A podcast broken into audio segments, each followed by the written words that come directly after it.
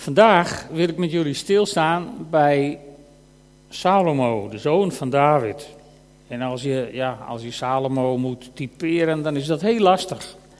Heel veel mensen hebben uh, ja, een beeld van Salomo als iemand met bijna een aureooltje eromheen. Zo'n zo'n super geestelijk geweldige. Maar toen we dat liedje zongen, ik wil meer en meer gaan lijken op Jezus, toen toen dacht ik, Salomo is als je hem door de Bijbel heen volgt. Salomo is nou typisch zo'n man die minder en minder ging lijken op Jezus. Hoe beter het hem ging, hoe verder hij wegdwaalde van waar hij ooit was begonnen. Salomo, de zoon van David. En ik wil bij het begin van Salomo beginnen. Dat verhaal hebben we eerder bij stilgestaan over David en zijn uitgeleider met Bathseba dan is het kindje wat daaruit geboren is, is overleden. En dan staat er in 2 Samuel 12, David troostte zijn vrouw Bathseba. Hij sliep met haar en ze kreeg een zoon die hij Salomo noemde. De Heer had het kind lief en gaf het bij monden van de profeet Nathan de naam Jedidja, lieveling van de Heer. Nou, zo zul je maar beginnen. Dat is een topstart. Een vliegende start van het leven van Salomo. En uh, als we even naar zijn naam kijken, is wel interessant. Salomo betekent vrederijk.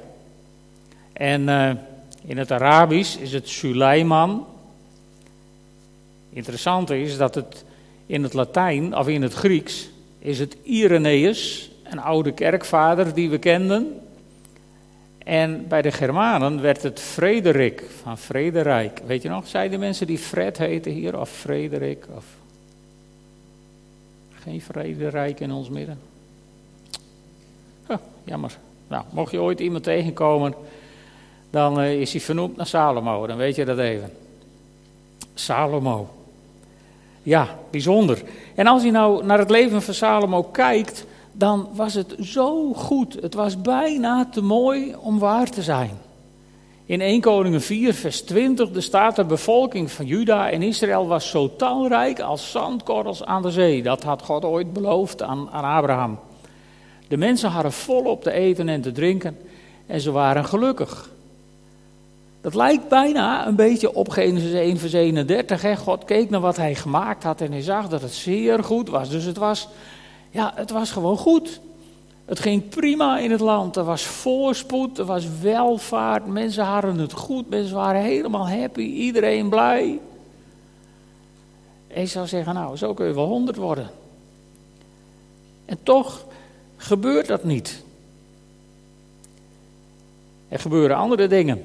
Want de start van Salomo, die was ja, een beetje spannend. We lezen daarover in 1 Koningen 1. Als je de Bijbel erbij wilt opslaan om, uh, om mee te kijken naar me toe. In 1 Koningen 1. Daar zit eigenlijk de kern van het verhaal van vandaag. En dan lees je in vers 5 dat Adonia, een van de zonen van, uh, van David, dat Adonia, zoon van David en Gachit, liet zich erop voorstaan dat hij koning zou worden. Hij schafte zich wagens en paarden aan en nam een escorte van 50 man in dienst. Ook dit moet ons bekend voorkomen. Want vorige week hebben we stilgestaan bij David en Absalom. En Absalom begon precies zo. Die schafte zich ook een wagen aan. Ik heb toen het voorbeeld aangehaald. Stel je voor dat prinses Amalia op Prinsjesdag denkt: ik neem mijn eigen gouden koets en mijn eigen, mijn eigen gevolg. En ik huur ook een zaaltje en ik lees mijn eigen troonrede wel even voor. Dat zouden wij niet pikken in dit land. En David liet het gebeuren terwijl Absalom het deed. En David laat het gebeuren terwijl Adonia het doet. Om hem even in de familie te plaatsen, even de stamboom die we de vorige keer ook hebben gezien. Uh, Amnon, de oudste zoon, is inmiddels dood. Absalom, die is inmiddels ook gesneuveld. Tamar, de zuster van Absalom, die is in het grijze niets verdwenen. En Adonia, hoort eigenlijk aan de andere kant te staan, maar was de vierde zoon van David. Adonia, die maakt aanspraak op de troon. Niet onlogisch, zou je zeggen. Maar goed, Salomo is de aangewezen troonopvolger, dus hier zit hij in het plaatje. En wat je ziet, hier staat het zelfs expliciet Er staat, zijn vader viel hem toch nooit lastig met vragen over zijn doen en laten. En dat is bijzonder. En, en ja, ik, ik, ben, ik ben een conflictmeider van, uh, van origine. Dus als het moeilijk wordt en er moeten lastige vragen aan mensen gesteld worden, ja, dan moet je mij niet primair uitzoeken om dat varkentje te wassen, want dat, dat vind ik niet leuk. En kennelijk was David ook zo'n soort conflictmeider. Als hij er met zijn leger op af kon, met z'n allen, goed georganiseerd, dan ging het prima. Maar privé zien we in, in het huis, in de huishouding van David voortdurend, dat hij niet op zijn plek is. Niet zijn maatregelen neemt, niet het gesprek aangaat. En zo staat hier ook dat die Adonia nooit lastig viel met vragen over zijn doen en laten. En Adonia, die, ja, die, eh, die wil koning worden, die zoekt wat medestanders. En die vindt er een paar hele belangrijke. Hij vindt uh, Joab. Ja, je zou zeggen, de minister van Defensie van David, die krijgt hij aan zijn kant. Joab, die komt aan zijn kant staan.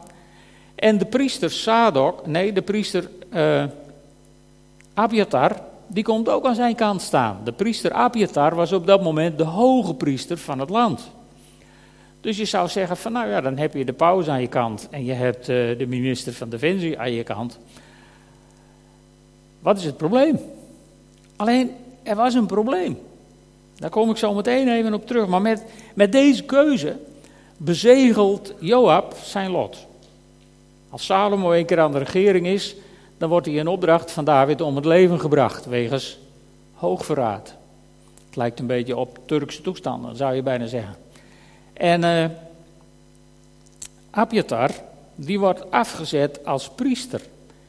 En, en eigenlijk moest dit wel zo, want er liep nog een oude profetie. In 1 Samuel 2, vers 35. Even kijken waar die staat. Zit er kennelijk niet in. In 2 Samuel 2, vers 35. Daar is een profeet en die komt bij de hoge priester Eli. De goede Bijbelkennis, die weten nu waar we zijn de hoge priester Eli, hoge priester in de tijd dat Samuel als klein jongetje in de tempel werd gebracht. En Eli had twee zonen, Hofni en Pinehas, en die roofden het offervlees wat geofferd moest worden. En daar eh, bakten ze lekker biefstuk van en weet ik wat allemaal. En die namen het er goed van en die deden nog veel meer wat niet kon. En Eli had kennelijk dezelfde opvoedmethode als David. Hij viel zijn zonen niet lastig met vragen. Hij zei hooguit eens een keer van jongens, zo zou het eigenlijk niet moeten, maar meer deed hij er niet aan. En dan komt er een profeet bij Eli en die zegt, omdat jij dit laat gebeuren, omdat jouw zonen mijn heiligdom onteren, zal ik het priesterschap van jouw tak van de familie afnemen. Eli was een van de nakomelingen van een van de zonen van, uh, van Aaron. En er was nog een tak van nakomelingen van Aaron, hoge priesters. En die zou het koningschap overkrijgen. Nou, nou was Abiatar was de laatste uit de lijn van Eli. Die werd dus afgezet als hoge priester. En uh, volgens mij uh, werd Sadok, de priester Sadok, die kwam uit die andere lijn. En die wordt hoge priester. Dus hier wordt een oude rekening vereffend. Even als zijspoortje. Goed. Uh, wat ons ook opvalt in dit verhaal is dat er iets heel eigen gereids gebeurt. Want uh, Naomi, of nee, Nathan, de profeet Nathan, die komt bij Bathseba, de moeder van Salomo, die zegt, heb je niet gehoord? Adonia, de zoon van Gagit, is buiten medeweten van onze heer David tot koning uitgeroepen. Nou hebben we in het leven van David al twee grote valkuilen gezien, die je, die je vaak ziet. En dat is, eh, dat is om te beginnen seksuele zonde. Als je naar de geschiedenis kijkt van veel kerken, maar ook van andere leiders, dan zie je dat dit een van de grote valkuilen is die door Satan zwaar wordt ingezet om mensen ter val te brengen, in discrediet te krijgen. En uh, de andere is dat hij de besturing van zijn eigen huis verwaarloost. Dit, is, dit, dit zie je ook heel vaak. Hè? In deze tijd kunnen we het zo immens druk hebben met onze carrière. En, en zelfs in de kerk kun je het zo druk hebben met de kerk dat je geen tijd hebt voor je kinderen. Het is niet voor niks dat, dat veel, uh, uh, veel bekende, ook mensen die, die tegen de kerk zijn, uit domineesgezinnen komen. Weet je, dat is eigenlijk te triest voor woorden. Want vader was er altijd voor iedereen, behalve voor de kinderen. Daar lijkt David ook wat op. Misschien had hij het wel zo druk met zijn koninkrijk dat hij geen tijd had voor zijn kinderen. En toen zijn kinderen groot waren, had hij geen relatie met zijn kinderen. Dus waar zou hij het ook vandaan halen om überhaupt nog wat te kunnen zeggen over wat ze deden? En hier zien we dan een derde binnenkomen. Zoveel ervaring hebben in het koninkrijk van God, dat je geen overleg met de koning meer nodig hebt om je beslissingen te nemen. Want je hebt alles al eerder gezien en je hebt routine en je hebt ervaring en je weet het allemaal prima. En hier gebeurt dus iets buiten medeweten van de koning. Kijk, dat Adonia het buiten medeweten van de koning deed, dat is logisch. Want die wilde koning worden, terwijl de koning dat niet wilde. Dus dat moet je dan stiekem doen.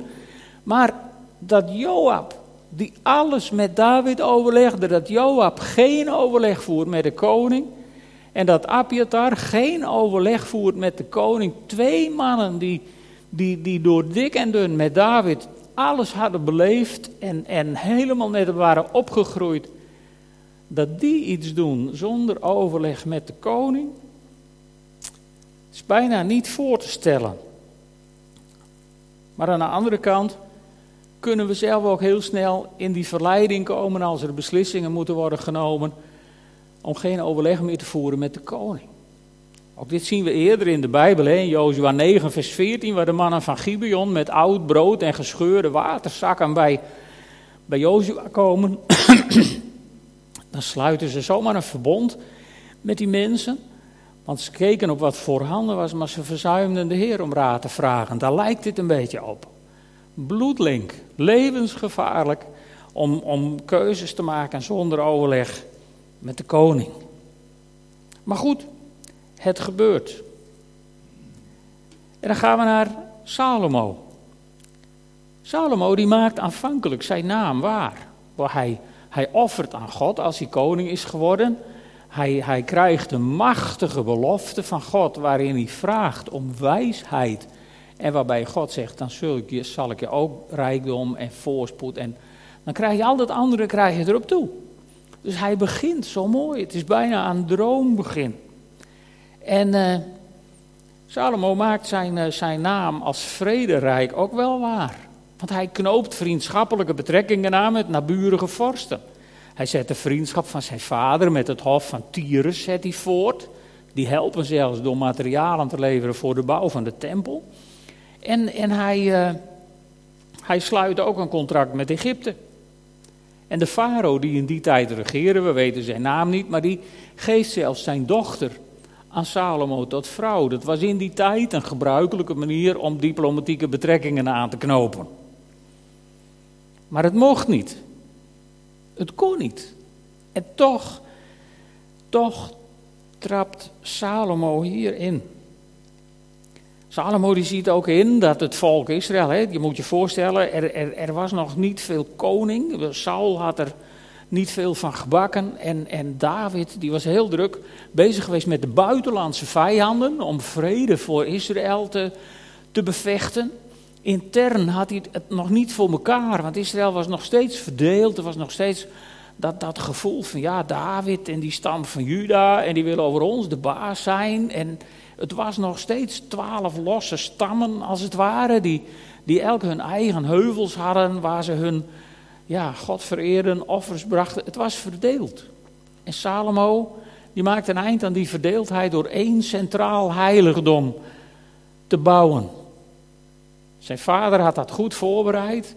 Zijn vader had de financiering voor een groot deel geregeld. En zo gaat Salomo aan het bouwen met de tempel.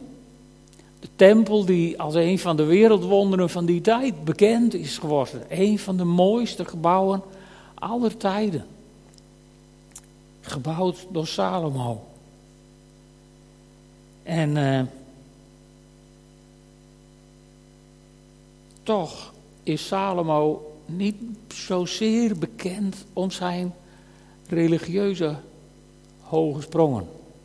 Salomo is vooral bekend omdat hij schatrijk was, heel machtig, want het rijk werd groot, was het, het, het, het, rijk Israël was nooit zo groot als onder Salomo. Dus hij was bekend om zijn macht, om zijn rijkdom, om zijn vele vrouwen. Ja, daar kennen we hem ook van. En om zijn wijsheid. En het gaat niet samen, want in zijn wijsheid had hij moeten weten dat God drie dingen verboden heeft. In Deuteronomium 6, 17, daar zegt God tegen, uh, tegen Mozes van, joh, luister eens Mozes, er komt een dag en dan wil dit volk een koning. En dan moet je niet moeilijk doen, dan mogen ze een koning. Maar het mag geen buitenlander zijn, het moet een van het eigen volk zijn. En bovendien mag hij geen paarden gaan houden, want paarden haalde je in die tijd uit Egypte. Dus hij kreeg zijn heidense vrouw, zeg maar, cadeau bij de paarden, zo zou je het kunnen zien. En, en, en dat deed hij. En uh, hij mag er niet veel vrouwen op nahouden.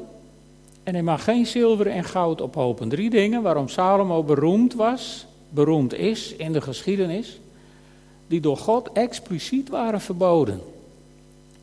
En ik heb daarboven gezet geld, seks en macht. Wel, David was, of uh, Salomo was bekend om het vele geld wat hij had, om de vele vrouwen die hij had, en om de macht. Want paarden was een teken van macht. Als je veel paarden wil, Salomo die had geen vele paarden met duizenden stallen overal over het land, omdat hij nou toevallig paard zo leuk vond. Zodat zijn kleinkinderen een beetje konden paardrijden. Daar had hij ze niet voor. Hij had zijn paarden om er soldaten op te zetten en strijdwagens achter te hangen om macht te hebben. Dus Salomo, die ging voor macht. Hij ging voor de seks met heel veel vrouwen en hij ging voor het geld. En dat is niet te begrijpen voor iemand die toch ook bekend is om zijn wijsheid. Want er staat, koning Salomo overtrof alle koningen van de aarde in rijkdom en in wijsheid. Vreemde combinatie. Een vreemde combinatie. En waar hij uiteindelijk op sneuvelt, dat is wat we, ja, wat we het beste kennen onder de term een ongelijk span. Want uh, koning Salomo staat hier, beminde vele buitenlandse vrouwen. Behalve de dochter van de farao beminde hij ook vrouwen uit Moab, Ammon, Edom, Sidon en Hethitische vrouwen. En let op, zij waren afkomstig uit de volken waarover de Heer tegen de Israëlieten had gezegd: Jullie mogen je niet met hen inlaten en zij mogen zich niet met jullie inlaten, anders zullen zij jullie ertoe verleiden hun goden te gaan dienen. Dus God had het ze verboden. En juist tot die vrouwen voelde Salomo zich aangetrokken. En die strijd, die kennen we ook wel een beetje. Hè? Paulus die schrijft op een gegeven moment ook in zijn leven, joh, het goede wat ik wil, dat doe ik niet. En het kwade wat ik niet wil, dat doe ik wel. Die strijd is zo oud als de wereld. En Salomo in al zijn wijsheid, deze superslimme koning, die had toch moeten weten uit de geschiedenis, uit het woord van God. Wat een immens risico die aan het nemen was. Salomo was weer zo iemand die ging leven op het randje van wat kon. Ik kan dat wel. Ik red dat wel. En God had hem zo gewaarschuwd.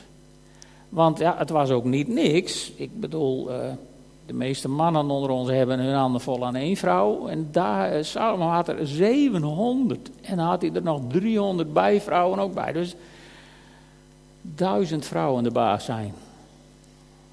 Ik geef het je te doen. En op zijn oude dag was hij daar zo moe van geworden. Dat ze hem verleiden om andere goden te dienen want hij bouwde namelijk tempels voor al die vrouwen, hun goden, om van het gezeur af te zijn, denk ik. Want ja, als ze met z'n duizenden tegen je zeuren, dat hou je echt niet vol. En, en, en hij gaat ook met ze mee om te knielen voor die goden. En dan staat daar, en dat is eigenlijk een heel treurig zinnetje. Hij was de Heere zijn God niet meer met hart en ziel toegedaan zoals zijn vader David was geweest. Dus hij ging minder en minder lijken op Jezus. En lieve mensen, als dat met Salomo kon gebeuren, dan kan het jou en mij ook overkomen. Laten we gewoon eens even naar deze geschiedenis kijken vanuit, vanuit die invalshoek. Misschien zit je momenteel in, in, in een van de hoogtepunten van je geestelijke carrière. Dat je denkt van yes, ik zweef op de wolken en mijn huis is gevuld met Gods tegenwoordigheid. Wie doet me wat? Mij kan niks overkomen. En ik wil je niet van je blijdschap beroven. Ik wil je alleen wakker maken zodat je alert bent.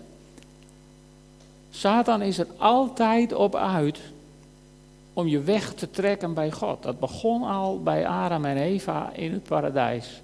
Dat is gebleven tot op de dag van vandaag. En Salomo is één van die voorbeelden waarin het zichtbaar werd. Hij liep in een ongelijk span met een hele hoop ongelovige vrouwen. En later zegt Paulus tegen de gemeente in Korinthe: Loop niet in één en hetzelfde span met ongelovigen. Wat is de verwantschap tussen gerechtigheid en wetteloosheid? Wat heeft licht met duisternis te maken? En, en ik wil het nog een keer benadrukken, en ik heb het vorige week ook gezegd: dit moet je niet alleen betrekken op, op verkering hebben met een ongelovige of gehuwd zijn met een ongelovige. Dit moet je betrekken op al je partnerschappen die je kunt aangaan in het leven.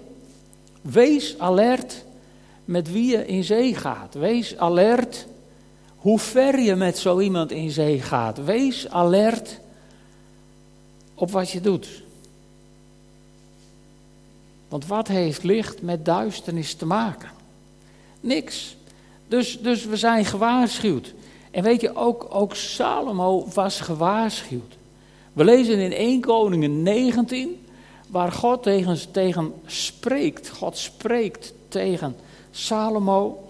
En hij zegt, maar mochten jullie of je nakomelingen je van mij afwenden en je niet houden aan de geboden en de bepalingen die ik jullie heb opgelegd, en in plaats daarvan andere goden gaan vereren, dan zal ik de Israëlieten verdrijven van het grondgebied dat ik hun gegeven heb. En wil ik niets meer weten van deze tempel die ik voor mijn naam heb geheiligd. Israël zal dan bij alle volken het mikpunt worden van hoon en spot. En een aantal honderden jaren later zou dit letterlijk gebeuren. Als het volk in de ballingschap gaat, Jeruzalem wordt verwoest en de tempel wordt verbrand. Er blijft niets van over. En Salomo die is hiervoor gewaarschuwd. En daarnaast, als je over het leven van Salomo leest, dan had Salomo de meest geweldige ervaringen met God. God had hem aangesproken in een droom. God had rechtstreeks tot hem gesproken zoals hij sprak tot de profeten. Salomo had zelfs bij de inwijding van de tempel meegemaakt dat er in de tempel niemand meer op zijn benen kon staan. Daar hoefde je niet voor naar Toronto, dat kon gewoon zo in de tempel. Hij had de meest machtige manifestaties van God had hij gezien.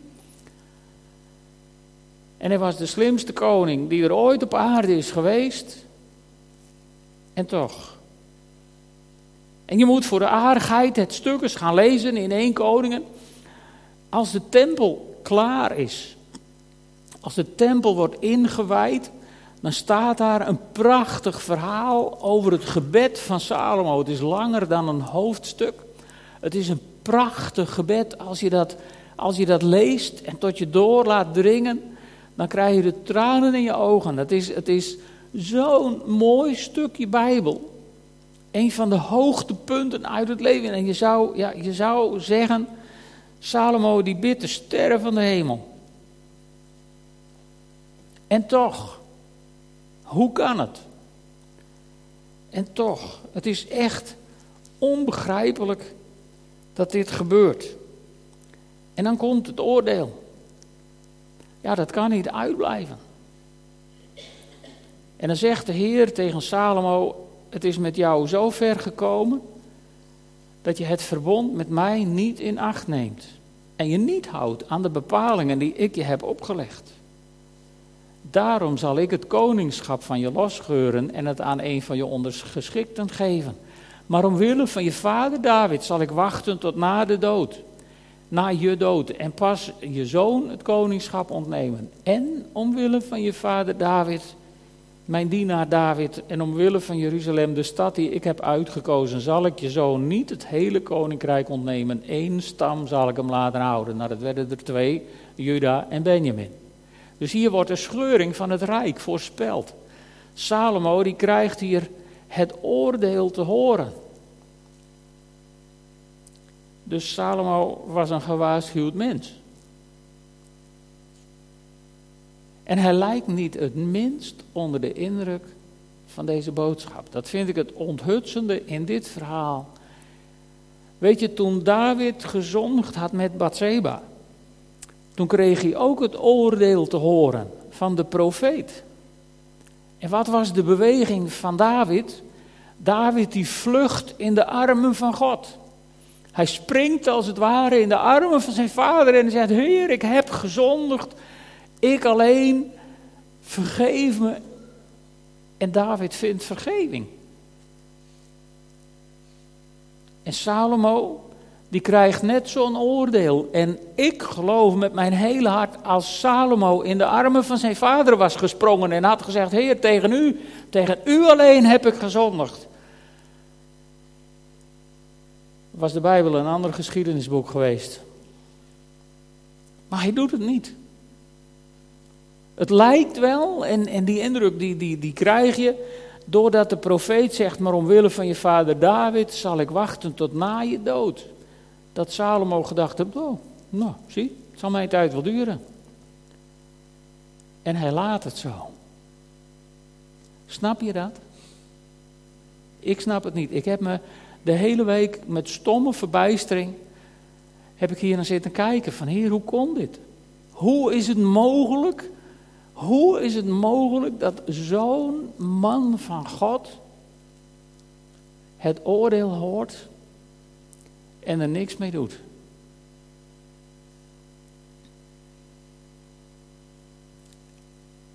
En het is niet omdat Salomo niet wist hoe hij ermee aan moest. Want ik neem jullie nog even mee naar dat gebed van Salomo bij de inwijding van de tempel.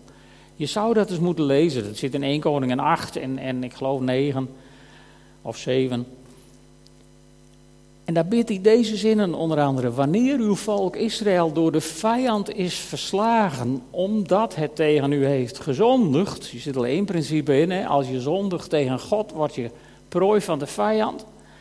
Dus wanneer uw volk Israël door de vijand is verslagen, omdat het tegen u heeft gezondigd. En wanneer ze dan naar u terugkeren, uw naam prijzen.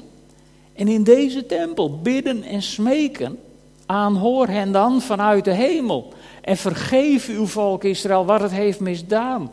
En breng hen terug naar het grondgebied dat u aan hun voorouders hebt gegeven. Salomo kende zo goed het recept.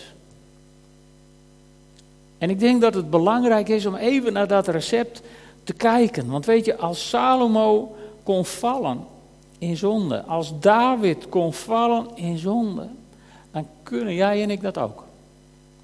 Het kan ons allemaal overkomen. En als je nu in je hart denkt, dat zeg je wel, maar mij gebeurt dat niet, dan moet je je met spoed bekeren van je hoogmoed. Want dan ben je misschien nog wel het meest gevaarlijk. Als het deze mannen kon overkomen, kan het jou en mij ook gebeuren. En dan is het recept wat Salomo zelf heeft neergelegd, is dat je je bekeert, dat je God aanbidt, dat je je zonde bij Hem beleidt en dat je vergeving ontvangt. En dat je herstel beleeft. Dat is, dit was de weg. Salomo die wist het. Hij wist het allemaal precies. En toch gaat hij deze weg niet. En daarom is, is mijn oproep, laten we niet het voorbeeld, laten we niet het voorbeeld van Salomo volgen. Maar laten we met name alert zijn op die drie gebieden. Want ook op het gebied van macht ging het fout, weet je, in het leven van, van Salomo. Als Salomo aan het eind van zijn leven is gekomen en hij is overleden, dan volgt zijn zoon Rehabiam hem op. En we hebben zo pas gezien in, in 1 Koningen 4, waar staat iedereen had volop te eten en iedereen was gelukkig. Maar aan het eind van het leven van Salomo, als Rehabiam hem opvolgt, dan komt het volk niet klagen omdat ze genoeg te eten hadden en zo gelukkig waren. Dan komt het volk bijna in opstand. Die komen met een petitie, met een verzoek bij de nieuwe koning. En wat vragen ze? Ze vragen om lastenverlichting. Want ze zijn door, door de grootheid, waanzin bijna van Salomo, die heel veel heeft gebouwd buiten de tempel. Want daar was al voor betaald. Dat had God geregeld. In zijn genade had hij David zo rijk gemaakt dat dat er wel was. Maar Salomo had daaromheen van alles gebouwd om zijn macht te vestigen. En, en je leest dan uit het verhaal van het volk, krijg je de indruk dat de mensen doodmoe waren van de hoge belastingen die ze moesten betalen om, ja, om de weelde, de pracht en de praal van Salomo te betalen. En de herendienst, de zware herendienst, bijna een vorm van slavernij, die hun was opgelegd. Want Salomo bouwde de, besteedde de bouw van zijn, van zijn stallen en paleizen en burchten en dingen. Hij besteedde dat niet Europees aan bij een grote aannemer. Hij liet gewoon de mensen uit het volk opkomen en die moesten voor niks aan het werk. Een soort dienstplicht. Dus mensen werden uitgebuit aan het eind van zijn leven. Er was machtsmisbruik in het spel. En daar komen de mensen tegen in opstand. En uiteindelijk, omdat zijn zoon kennelijk een verwend jongetje niet wil luisteren naar de mensen. En zegt: Ja, ik, mijn vader heeft jullie aangepakt. Ik ga jullie nog veel harder aanpakken. Was geen handig antwoord. Er kwam geen referendum, er kwam geen volksraadpleging. Maar er kwam wel opstand. En het rijk ging in tweeën. Dat had God ook voorspeld, dat weet ik wel. Maar de oorzaken lagen in het beleid van de wijste koning alle tijden. Snap je dat? Als ik er naar kijk, snap ik er niks van. Dan denk ik, Heer, hoe kan het als u zo rijk zegent, als u zo met iemand bent, als u zo rechtstreeks tegen iemand praat, als u zo, ja, zoveel manifestaties van uw heerlijkheid zichtbaar maakt in het midden, dan kan het nooit meer fout gaan. Dan moet het helemaal goed komen. En dat doet het niet. En dan wil ik jullie niet de put in praten. Integendeel, maar ik wil, ja, ik wil eigenlijk wel dat we met elkaar ons bewust zijn van het feit dat het niet vanzelfsprekend is. Dat we God volgen. Het is ook niet onze verdienste, het is voor het grootste deel genade. En wij leven natuurlijk na de opstanding van Jezus Christus. Wij leven in een andere tijd dan Salomo, maar Salomo had zo'n relatie met zijn God dat hij dezelfde wegen had kunnen gaan en vergeving had kunnen vinden. En als wij, als wij een misstap maken, als je worstelt ergens mee, of als je misschien wel worstelt met het feit dat je kinderen misstappen maken of andere keuzes maken die jij graag had gewild. Weet je, dan staat er zo'n prachtige oproep in de Bijbel. Ik heb erboven gezet, wie zoekt zal vinden. Dat is een belofte van Jezus. En de schrijver van de Hebreeënbrief die schrijft, laten we dus zonder schroom naderen tot de troon van de genadige, waar we telkens als we hulp nodig hebben, barmhartigheid en genade vinden. Vind je dat niet mooi? Er staat niet af en toe. Er staat ook niet, ja, als God goed gezind is. Nee, daar staat telkens, als we naderen tot God, dan vinden we barmhartigheid en genade. In het Engels staat er, dan vinden we mercy en grace. Genade. Dan krijgen we niet wat we verdienen, de straf, Maar we krijgen wat we niet verdienen. Zegen op zegen. En dan denk ik, dit had de weg van Salomo ook kunnen zijn. En zo zie je meer koningen in de Bijbel. Als je, als je de geschiedenis van de koningen van Israël naleest, dan zie je telkens weer dat de profeten bij de koningen komen en zeggen: Joh, als je je nou bekeert, als je je nou bekeert, als je je nou bekeert. En zo zie je in het hele Oude Testament, en misschien heb je wel eens wat moeilijk met al die oude verhalen.